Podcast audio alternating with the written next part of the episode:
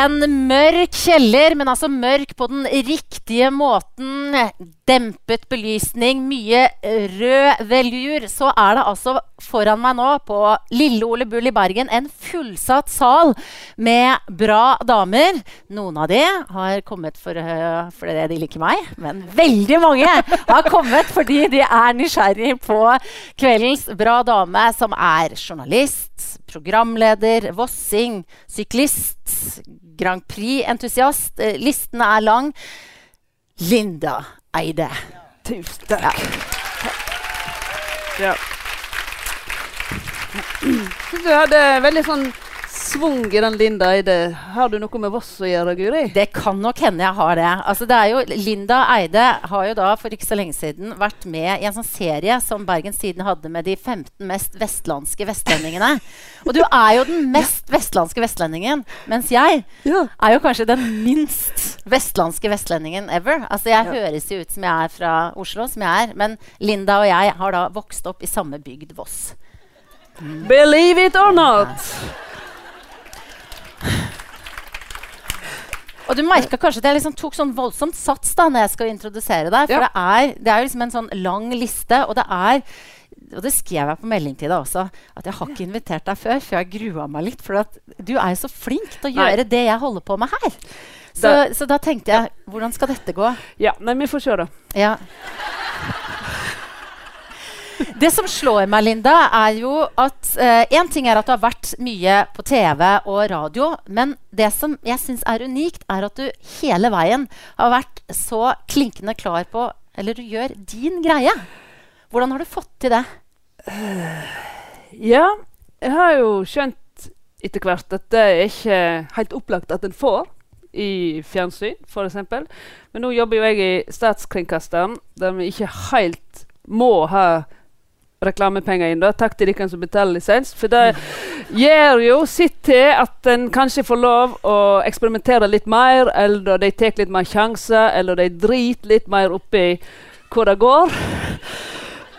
Det er litt slutt på det nå. Jeg er voldsomt opptatt av tall i NRK òg, da. Men um, jeg veit ikke For meg uh, har det vært nesten utenkelig å gjøre noe der andre har f.eks. skrevet manuset eller kommet på ideen. Eh, det har jeg iallfall gjort veldig veldig lite av, og iallfall ikke i starten. Og det kan være at det har litt sammenheng med at jeg eh, jobba i mange år i radio. og Jeg trodde det var det jeg skulle gjøre hele livet, for det likte jeg veldig godt. Og der jobber en veldig aleine. Iallfall gjorde jeg det som reporter. Jeg sa jeg har en idé, og så sa de ja, OK, kjør i vei. For vi har jo, måtte jo gjøre det. Det var fem timer til jeg skulle på lufta. Jeg kunne ikke drive og evaluere ideen, til og med. Så det var bare å kjøre på. Og så da, eh, etter hvert så gjorde en jo alt alene òg. En kom på ideen, en uh, ringte opp folk. En tok på seg uh, vannspilleren, eller etter hvert litt mindre stoff, og så ut og henta stoff. Redigerte det sjøl, og peiste det av og til òg ut på lufta sjøl. Så det var så det ville jeg egentlig bare jobbe med. Så når jeg skulle begynne med fjernsyn og forstå at der var det mange andre involverte, så uh, var det litt, litt, sjokk. Men jeg ville ikke gjøre det hvis ikke jeg var med og lage det fra bunnen av. Nei, det hadde jeg nok ikke gjort. Og det glemte jeg jo. Jeg husker med en norsk attraksjon som liksom var den første store serien. Og vi jobba på og hadde så masse tanker om dette, og jeg skrev manus, og det skulle klippes her og hoppes der. Jeg syntes det var ganske fiffig. Helt til jeg sto ute på opptak og innså at jeg hadde skrevet et manus som jeg sjøl skulle på en måte leve ut. Og det, det var liksom det siste jeg hadde tenkt på, var at jeg òg var programleder. Ja. ja. Da fikk jeg utrolig mange sjokk og en del nedturer. Ting jeg hadde funnet på som virka vel Ripa i ku, virka helt fint hjemme på kontoret. Bada i verdens kaldeste elv virka òg helt fint når du satt uh, på kontoret. sant? Så du var på en måte mer inne i rollen som programskaper enn ja. trynet som faktisk skulle ut? Ja. Så det var en litt overgang for meg. Og det var ganske fort jeg lagde med den setningen om at ja, jeg liker å lage TV, men jeg veit ikke om jeg liker å være på TV. Men litt strevsomt at du har vært såpass mye på TV, da. Ja. Det, er denne vestlandske tvisynet der, ja. veit du. Ja. ja, er den veldig sterk i deg? Ja. den er nok det. Mer enn jeg hadde trodd. For Sjøl om mor mi, motro som jeg kaller henne, sier at jeg alltid har likt å syne meg fram, så jeg mener jeg at det ikke er sant. For da hadde jeg ikke jobba først 15 år i radio. Det er nå punkt én. Mm. Og for det andre så er det litt som jeg sa først her, at um, det var det på en måte som kom sist. Jeg syns det var skøy å finne, tenke ut bilder til en tekst. God, altså at det var morsomt å se på, og det passet med det jeg sa for i kommentaren. Og de som jeg intervjua, var artige, og vi fikk til en slags stemning i disse programmene. Og eh, jeg var nøye hvis vi skulle ha rekvisitter, så skulle jeg ha retrokopper. Hvis jeg skulle ha en sjokolade, skulle det være hobby. Altså det var Ingenting var overlatt til tilfeldighetene. Så der likte jeg. Men så oppdaga jeg at det å være på TV har jo da og fremdeles Vi hadde jo i snitt på tredje runden med Norsk attraksjon hadde vi over én million seere. I snitt. Og da Fyttegris. ja, ja. Jo, men er- sånn er ikke det lenger. Det sånn. men vi var, det var utrolig mange som så på dette. Da. Og det var et lite sjokk for meg å være sånn um, som ble gjenkjent. Husker du første gang du ble det? Det var jo på stem, Jeg ble jo litt gjenkjent på stemme òg når jeg var på radio. Da. Men uh, nei, jeg kan ikke si sånn at, uh, at noe Men uh, jo, litt Nei, ikke sånn første gang jeg ble det. Men jeg husker andre runden med Norsk attraksjon. Da hadde det blitt sendt, og så var vi ute og gjorde opptak igjen. Og da var vi om sommeren, og da har folk ingenting å gjøre på. Så jeg husker f.eks. oppe i Ålesund. Og vi skulle ha et svære opptak med noe brudeegg, en gammel sånn, eh, båt fall, som skulle sjøsettes. og Vi hadde den på trailer og masse greier. Nok var- en idé, stor idé. ja, ja, ja, ja, vi, hadde, skulle, sant? vi hadde jo egentlig ikke tid til noe som helst. Men da, da hadde jo de som var på ferie, kjempegod tid. Og skulle ta bilder og skrive litt her og litt der. Og så, til slutt så måtte vi rett og slett bruke dem som en sånn folkemengde. Lage en scene sånn at vi kunne sysselsette dem, sånn at vi fikk gjort noe. Så da hadde vi en hel haug som sto med flagg og ballong, eh, for det passet i den scenen. da. Uh, og det var eneste måten å liksom få gjort arbeidet. Ja. Men, men i, i møte med, med da, sant, eh, norske folk på ferie og den type ting, så, så har jo de sin oppfatning av karakteren Linda Eide. Eller det er min Jo, jo, påstand, og da ja, er det en karakter. Hvor, hvor stor er den avstanden mellom den personen du er på TV og utenom? Nei, det er jo et godt spørsmål, for det er jo sånn at den ligner. Sant? Den, eh, for eksempel den norske attraksjonutgaven der eh, jeg reiste rundt og skulle finne attraksjoner som ikke fins i guideboka. Så tok jeg på meg en grilldress, sånn at det skulle være en slags gjenkjennelighet i den serien. Og da kan noen bare se en, eh, en em, vestlending med en uh, outrert dialekt som springer rundt i en grilldress fra OBS. Det går an. Men så kan en òg se, hvis en er litt interessert i fortelling og TV, at «Ah, ja, det var litt artige fortellinger. Og kanskje hun får med folk på ting. Og noen andre så òg at det lå masse arbeid i dette. Sant? Så det er sånne lag, da. Men det øverste laget er da denne personen som fyker rundt, antakelig. Og det er litt bale, på en måte, når jeg veit hvor mye jeg har jobba. Men det er, det er liksom prisen. Jeg har godtatt det litt, så lenge jeg kan si at ja, men det er iallfall- det er iallfall jeg som skriver manus. ja, altså, det ligner. Det er ei utgave jeg kan stå for, da. Mm. Ja. Men, men hvordan er det å skulle leve opp til den eh, karakteren Nei. som du selv har Nei skapt? nå, da? nei, nå lever jeg ikke opp den lenger. Nei, ikke lenger. Nei. Al- Ja, ja, sånn, ja. Uh, jo, ja, jeg tror jeg kanskje forstår hva du vil. At uh, det er kanskje en liten forventning om Gjør noe gøy, da. Mm. Ja. Og jeg er ikke så veldig morsom sånn i, i bunnen. Nei. Hvordan, hvordan oppleves det da å ha en sånn forventning? Så er det noe gøy. Nei, det er, det er litt uh, vanskelig å leve opp til da. Mm. For at um, Ofte er jeg helt inne i mine egne tanker. Og så Hei! Det, oh, ja! Jeg, jeg bare gikk uh, i Bergen, da, så kom det en som kjørte flybuss. Og så bare lener han seg ut glasset, og så bare roper han 'Voss!' Hæ? Har jeg sagt det så ofte at jeg er fra Voss? Ja. Ropte du noe? Hva, hva, hva roper man tilbake da? Bergen! Ja. Jeg kom ikke på det da. Jeg bare ble ja. Men som du sa, du begynte, var mange år i radio. Veldig flink til å fortelle radiohistorier. Eh, og så begynte du å lage TV. Men hvordan oppsto denne radiokarrieren din? Var det, er, liksom, når var det du skjønte at det var det du ville holde på med? Jo, det var i 1988. Da var jeg begynt på Norsk journalisthøgskole i Oslo. Jeg var 19 år gammel.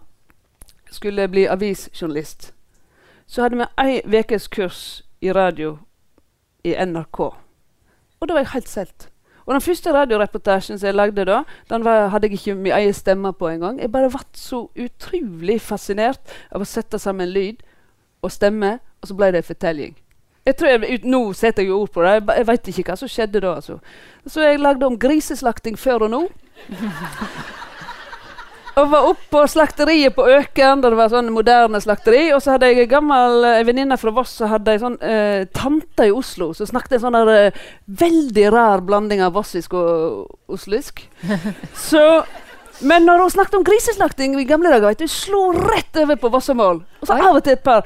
Og så dette satte jeg i hopet, og det syns jeg sjøl var så eh, Var så utrolig artig. For det som skjer med folk når de bare hører lyd og stemme, så går filmen, tror jeg. Og det er det jeg tror jeg alltid har likt. Å tenke at det går en film oppi hodet på de som hører på dette. For det gjør det på meg òg. Og radio er helt sånn fantastisk sånn. Så du kan jo bare Du kan rasle med litt sånn der eh, gammel type, kassettype. Og så kan du si 'Når løvet ligger tjukt i skogen', så bare rasler du med det. Så tror folk at du er ute og går i skogen. Sant? Ja. Sånn er radio helt fantastisk. Og du har jo da eh, snakka om en karakteristisk Vossa-dialekt. Det er jo liksom Du har jo på en måte blitt en sånn slags eh, Ja, hva skal jeg si? Eh, en maskot, da. Det høres litt sånn nedsettende ut. men Jeg mente det. Me okay. Maskot for den gode Vossa-dialekten. sånn Hva det heter sånn som er i fronten? Gallionsfigur. Gallionsfigur. Ja, men det var det du merka. Jeg vel med gallionsfigur. Ja, merka jeg var bare sånn Det er litt seint på kvelden, nei, men jeg var liksom, hadde ikke den gallionsfigur. Du er språkets uh, gallionsfigur. Uh, dialekten. Hvor, hvordan bærer du den tittelen som du nå fikk? Og sikkert har hatt før? Du spør eh, store spørsmål. Mm. Nei da. Uh, jo, nå er jo jeg uh, lager meg språkshow, og da blir eh, Hva skal jeg si Det er veldig mange som er opptatt av språk. Og jeg, kan, eh, og jeg, og jeg har ikke fått noe klage, faktisk, på dialekten på 15 år. Og det er ganske utrolig. Men det sier noe om dialekttoleransen i dette landet. da. Men i jeg kan gjerne være sånn språkets gallionsfigur, men ikke når det kommer til sånn petimeterting. For meg er det faktisk ikke så skummelt om du sier 'når jeg var liten', og ikke 'da jeg var liten'. Det kan til og med diskuteres om ikke 'når' faktisk er like rett. En, uh, men jeg blir litt sånn språkets gallionsfigur når det gjelder sånn tomsnakk og sånn Keiserens som gir klær-snakk. Sånn at du kaller en spade for en manuell graveredskap. Ja. Det er jo helt unødvendig. Og all spisskompetansen og ledelseskompetansen, og du skal bygge kompetanse og Ja. Eh, en snakker vanskelig, og det blir en sånn type maktspråk òg, da, som gjør at folk blir apatiske. For det at til slutt så er den virkeligheten som du blir presentert gjennom sånn politikersnakk og sjefsnakk og byråkratsnakk og sånn New Publish Management-snakk, den ligner ikke på den virkeligheten som du og jeg snakker om etter det møtet. Og det tror jeg er kjempeskummelt, for det skaper en sånn avstand mellom sjefer og makt og de som føler at de ikke har så mye makt, og så blir det enda mer sånn avmakt. Og så blir du, du blir mer sånn negativt innstilt til f.eks. sjefer, da, hvis de har et sånt språk. Det mener jeg. Og Derfor har jeg drevet og hatt i dette språkshowet noe som jeg kaller et, til ettertanke. Og det har egentlig vært en mening å prøve å avkle dette språket og syne det fram hvor, hvor dumt det er. Mm. Så det er mye mer viktig for meg enn eh, og og å-feil og da og når-feil. Det er å ta dette stupide språket.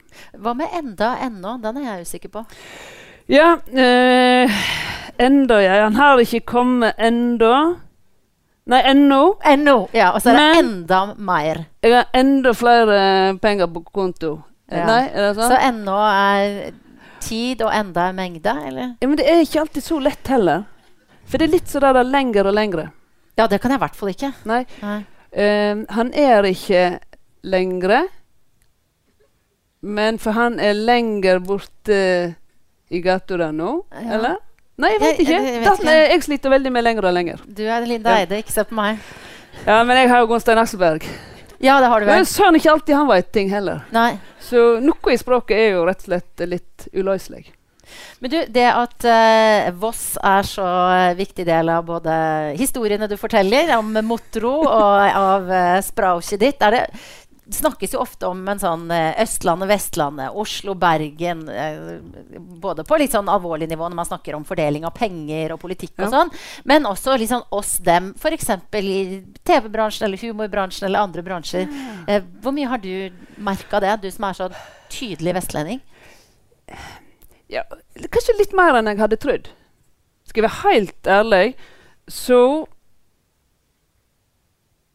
har jeg eh, blitt utsatt for litt sånn eh, dialektspøking. Og på plasser jeg hadde tenkt at ja, men dette er jo ikke morsomt lenger. Det var kanskje morsomt for 25 år siden. 20 år siden.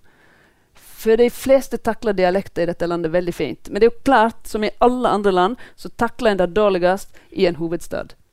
Der en slipper å se utover, Mm. men bare kan se innover. For det er liksom stort nok. Sånn er det jo i Sverige òg. Kommer du utenfor Stockholm, så skjønner de jo meg.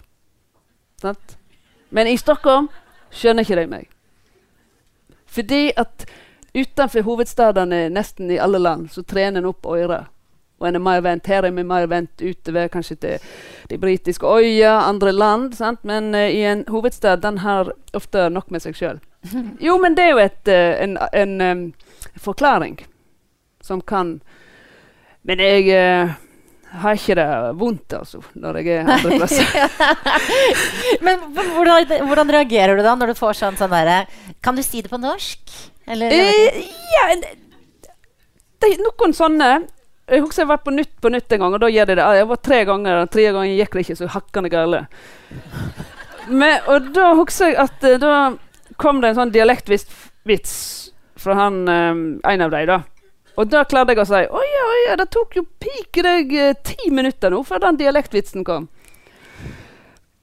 Og så sa vel jeg da noe om at oi, det er jo dansk. Og da kom han eh, nå har jeg glemt hva han heter, men han andre i panelet på at ah, søren, da burde jo jeg ha sagt at Der kom den der om dansk. sant? At uh, bok bokmål er dansk. Så vi er jo litt i krig sånn sett, da. Så jeg er kanskje ikke bedre, jeg heller, når det kommer til stykket. Jeg, ja. Hva var spørsmålet? nå? Men, men du Linda, enten om det er å sette folk på plass i Nytt på nytt, eller om det er denne um, altså, Verne om dine ideer, ditt produkt, og stå på ditt eh, i jobbene uh, du har. Uh, jeg tenker det krever sin kvinne um, å ha en sånn integritet. Hvor henter du tryggheten til det? Nei, jeg er jo Nei. Det, Er det feil? Ja, jeg, ja, på en måte er det feil, for jeg har ikke noen sånn integritet. Ikke sånn ordentlig. Nei. Ikke sånn gjennomtenkt integritet. Nei. Jeg tror kanskje min redning er at jeg er så på en måte opptatt av det jeg driver med. At jeg bare vet at jeg vil ha det sånn eller sånn, og uten blir det helt rart for meg å framføre det. Jeg måtte jo på et tidspunkt i NRK snakke nynorsk.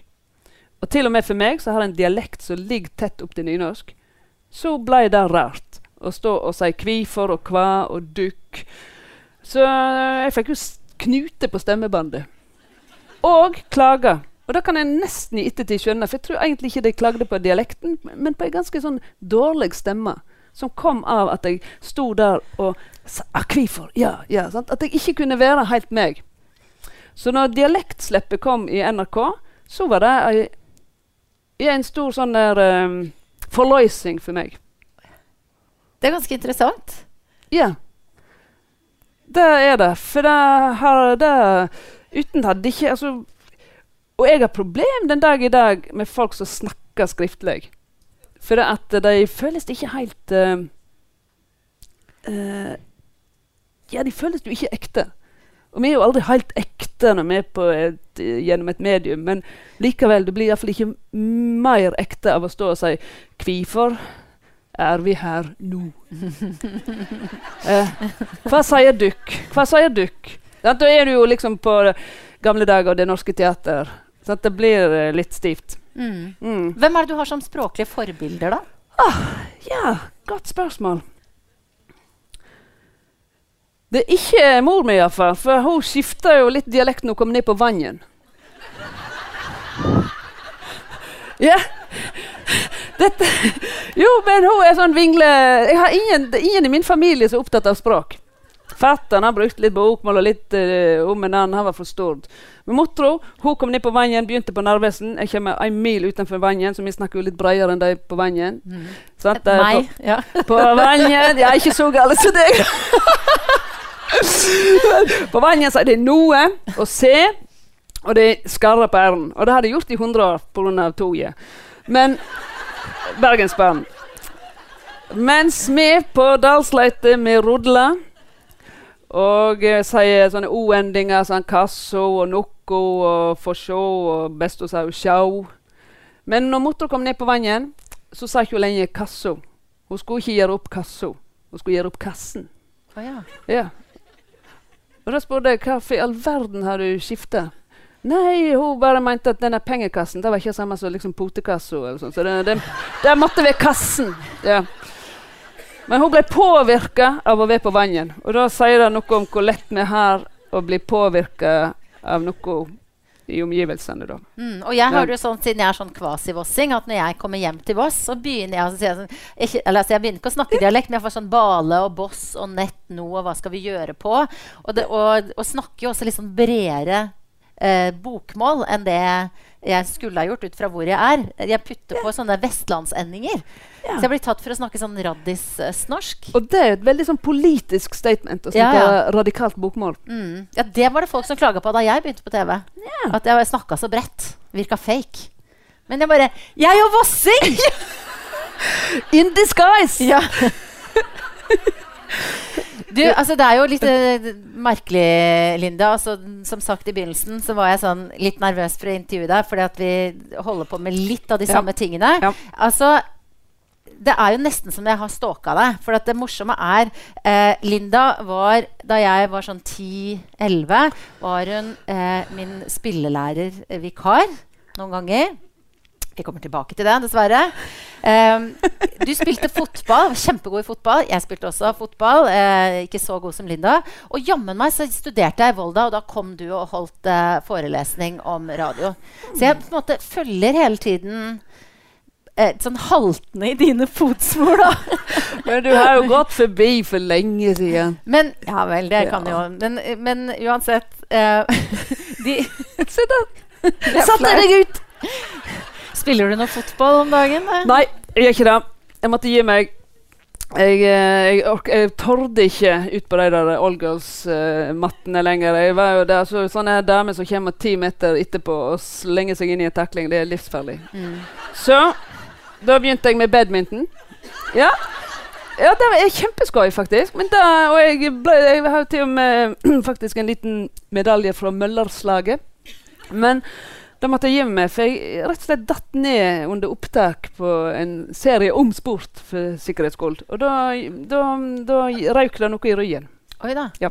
Så nå er sånne her veldig kjekke sportsting de er litt um, uoppnåelige. Så nå, uh, nå um, gjør jeg andre ting.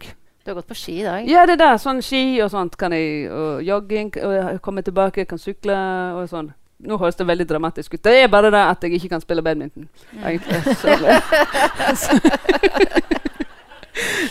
Hva, var det du, falt du ned fra nå, eller? Ja, ja, ja.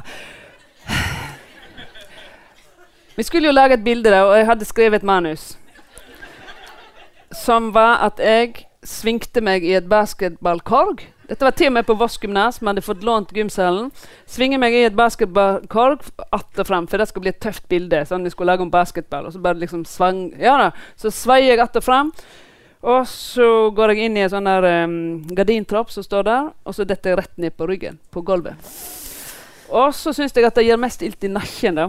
Så merker at jeg begynner å snakke i sånn presens når det er sport. Ja. Ja, Jeg ser på ja, ja. oppsiden. Ja, Jeg er i gang med å Og så eh, er det slik da at neste dag så skal vi ha et opptak. Vi skal indikere sånn urfotball. Så vi skal eh, ha fått eh, hele, hele Voss folkehøgskole til å stille opp. Vi har fått stengt Vangsgata. Vi har laga til et slags uh, smalahove. For at uh, i virkelig urfotballen så spilte en til og med med dyrehove. Eh, sant? Og da driver jeg på med dette enda jeg egentlig har smadra ryggen. Og det er bare dag to av dag tre. Så etter dag tre så var jo den ryggen finito finale. Ja.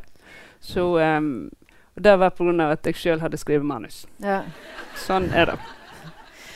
Åh. Og det, det er jo sånn Du klarte jo også å sette meg ut litt. Jeg var dårlig, dårlig på å ta et hyggelig kompliment, men det, det jeg kom på at jeg egentlig skulle fram til, var at, liksom, at jeg har, har på en måte herma litt Ja. etter deg, og at det nok er en del som tenker at det hadde vært gøy å få til noe sånt som du har fått til. Og det er jo sikkert noen som spør deg om det også. Råd eh, om hva man skal gjøre da. Hva skal man gjøre da bli Ja, Sånn At du får lov å lage ting for eksempel, som jeg sjøl har Ja? ideer til. Og, ja.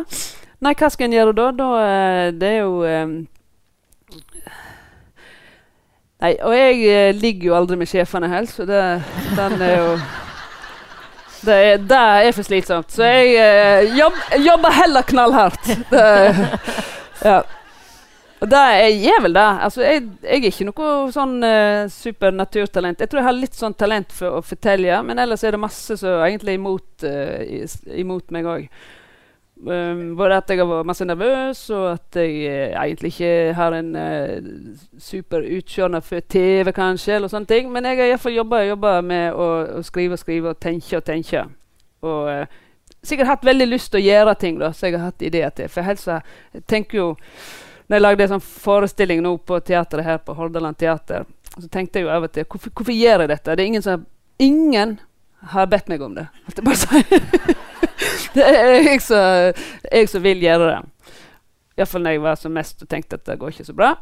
Når det går bra, så er det jo helt supert å få til noe og fortalt noe. Og iallfall hvis det Det gir jo meg en glede, men det er jo ikke noe klisjé å si at det er litt fattigsle hvis det bare gir meg glede. Mm. Tross alt. Og da hadde jeg jo ikke hatt jobb heller. Men det som var så utrolig fint med den der um, Oppdrag Motro, så ble ei framsyning da basert på ei bok som òg er basert på sånne telefonintervju med mor mi over ti år.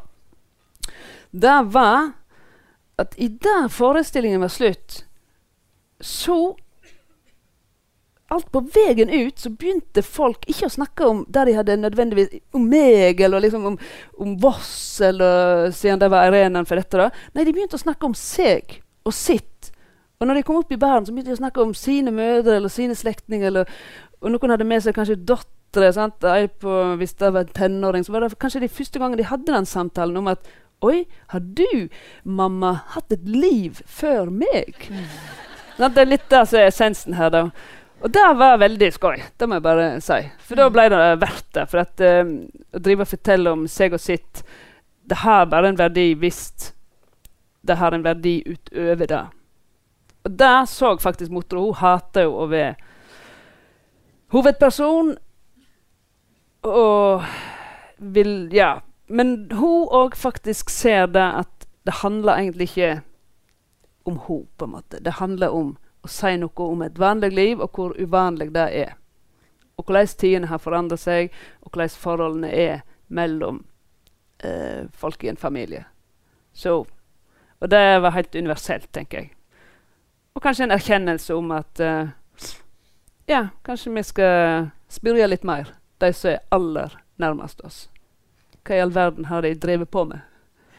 Men det at du har spurt uh, mammaen din så mye, Ja. uh, at det både har blitt bok og forestilling og Hva har det gjort med deres forholdet dere imellom? Ja, I dag var det på bristepunktet, så jeg veit ikke hvor uh, Men Nei, folk tror liksom at hun er stolt eller noe sånt. At uh, det har blitt en fortelling om henne som folk, andre folk har hatt glede av. Men det, det tror jeg ikke fins i hennes sånn uh, tankesett å være stolt over sine barn. Men hun, uh, hun, er glad det gikk bra. Ja. ja. Hun er glad det gikk bra. Og forholdet mellom oss Jeg vet ikke om det har blitt bedre. Altså, jeg har jo mye, mye større beundring for henne. Og har faktisk av og til lyst bortsett fra i dag, lyst til å bli som, mer som hun.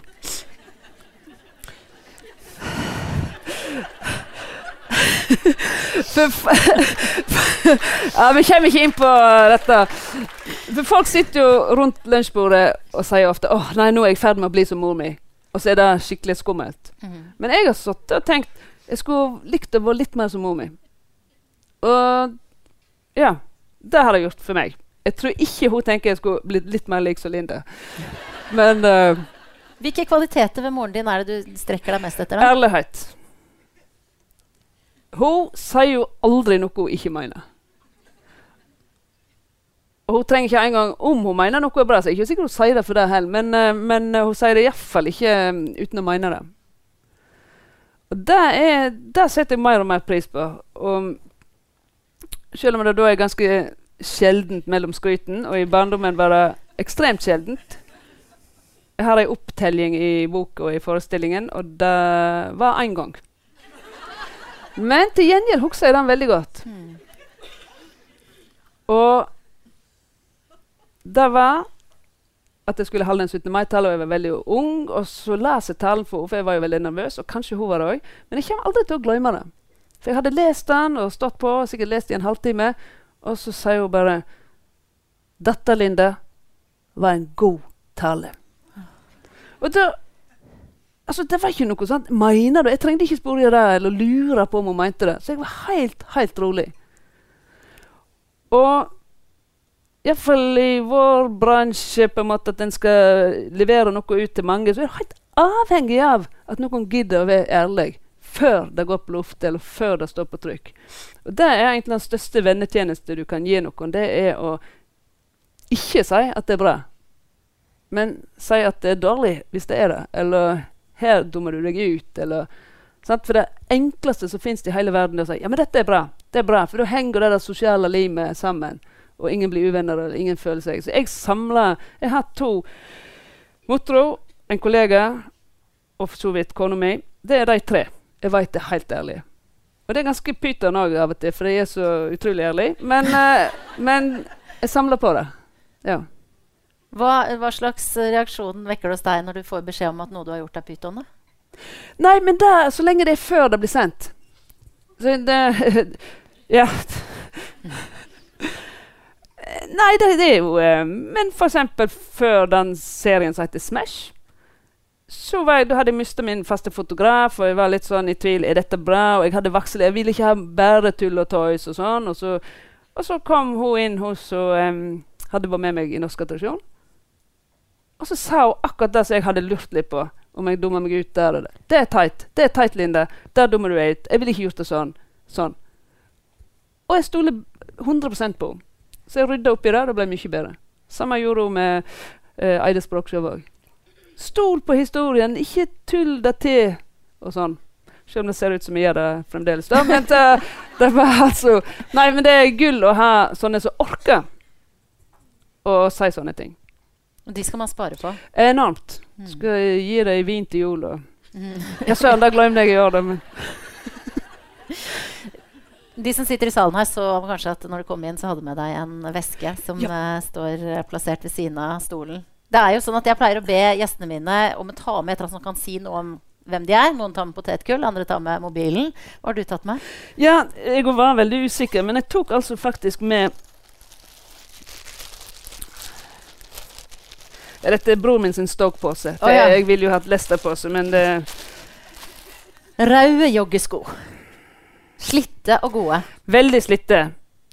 Og ja Jeg tenkte Jeg har bare oppdaga at jeg elsker at kroppen forflytter meg. Enten ved en sykkel eller beina. Jeg tar jo en tog og fly og slikt, men jeg har jo ikke bil.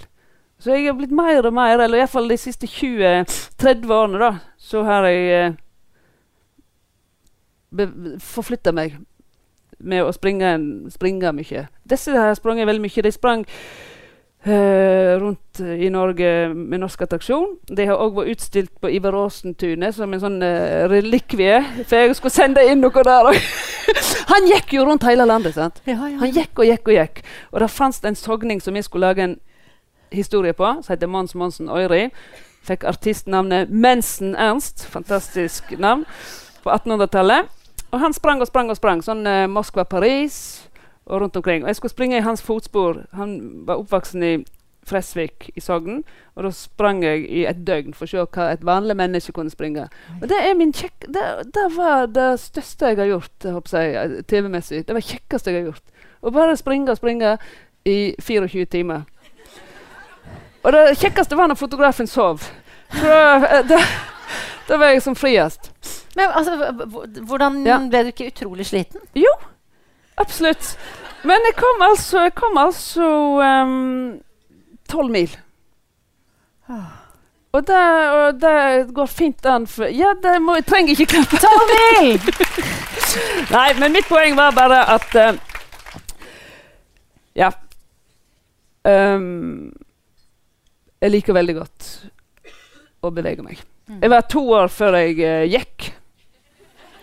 Du vet du hva, Det ble jeg så glad når jeg hørte, for datteren min var så treig til å begynne å gå. Så Ja. tenkte jeg yes! Linda Eide! Klarte så Har jeg bra. Klarte så Har jeg bra. sagt det før? Jeg jeg vet ikke, kanskje jeg bare Jeg driver jo og stalker deg, så kanskje jeg har plukka det opp et eller annet sted. Jeg visste ikke at det var kjent, men ja. ifølge mottoet så angrer hun på at uh, jeg lærte å gå. Så det, Ja. ja. så det var uh, null ro. Jeg nevnte det så vidt i stad. Nå trakk jeg pusten på en litt sånn nervøs og rar måte. Jeg nevnte det så vidt i stad at um, Linda og jeg vi er jo da fra samme bygd. Eh, Jeg holdt på med litt av de samme tingene. Og hun var min spillelærer. Uh, jeg hadde egentlig Kåre Herfindal eh, som lærer, Ja. men så var jo han sjuk innimellom, og da dukka du opp. Um, dette her var jo da Kan ha vært sånn midten av 80-tallet? Stemmer Ja, det med din for jeg må ha gått på gymmen, kanskje første året på gymmen da, og Mm. da er vi sånn i 85-86, kan det stemme? Ja, det kan stemme. Ja. Og jeg gikk da på spilling med min beste venninne, som het Guri. Ja, Guri og Guri. Ja. Husker du dette? Veldig. Det kom altså For jeg hadde Og det var ikke bra! det. Nei, men jeg har jo ikke peiling på å være lærer, og, øh, og jeg kunne jo knapt spille sjøl. Men, uh, men de hadde Herfindalen hadde vel funnet ut at uh, han måtte ha en vikar. Og så kommer Jeg hadde helt, ei helt vanlig jente før de kom.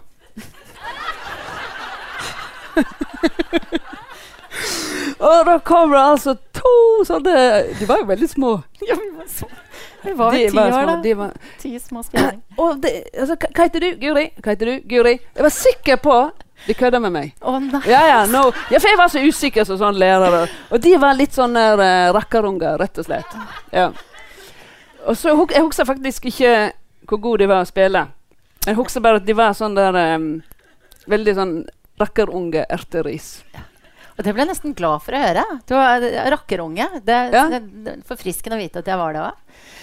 Det er altså riktig som du sier at uh, vi var små. Og det er jo uh, også på det nivået uh, jeg har holdt meg som fløytist. Du har jo spilt en del. Gått over til blokkfløyte, Ja. har jeg merket meg. Og spilt med KORK og mange andre mange andre celebre medmusikanter. Og jeg syns det var på en måte rett og riktig at når vi skulle møtes igjen, at det skulle på en måte sirkelen skulle ende, da. på en måte, Eller slutt Hva heter det? Eh, nei, det er vel å snurpe sekken, knyte sammen snippersjo, og så eh, lage en fin avrunding av hele kvelden. Og Ja. Nei, jeg aner ikke. Jeg, er så dårlig på sånne Du er ikke så god på språk, du, Lina, men spille kan du. Ja. Og det skal vi gjøre nå. Eh, kveldens eh, bra dame og undertegnede Ja. skal eh, har vi, har vi, egentlig, vi Spiller vi sammen hele tida, forresten? Vi gjorde vel det Ja. når vi øvde. Og dette her er jo da eh, Linda Jeg øvde en gang. Linda sitt låtvalg. Hun er jo læreren. Ja. Hun har også bestemt at vi skal stå. Ja. Det er ingen av oss som kan stemme. Sånn at hvis det ikke er, eh, høres helt sånn rent ut, så er det Vi har, vi har kompetanse til å gjøre det. Ta en A. Det er jo det de gjør i uh, Jeg vet, eh, er dette nå? Høres det det- bra ut for saniteten? Ja. Er det innenfor sanitetskravene?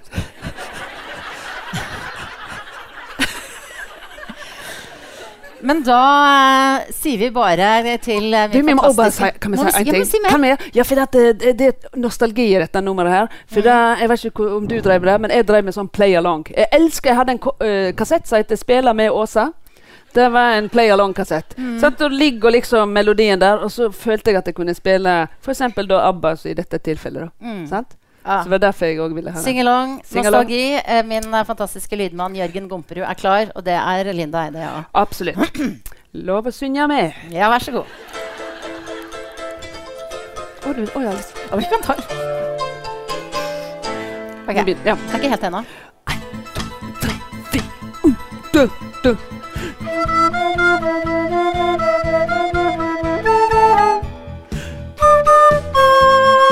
Ja!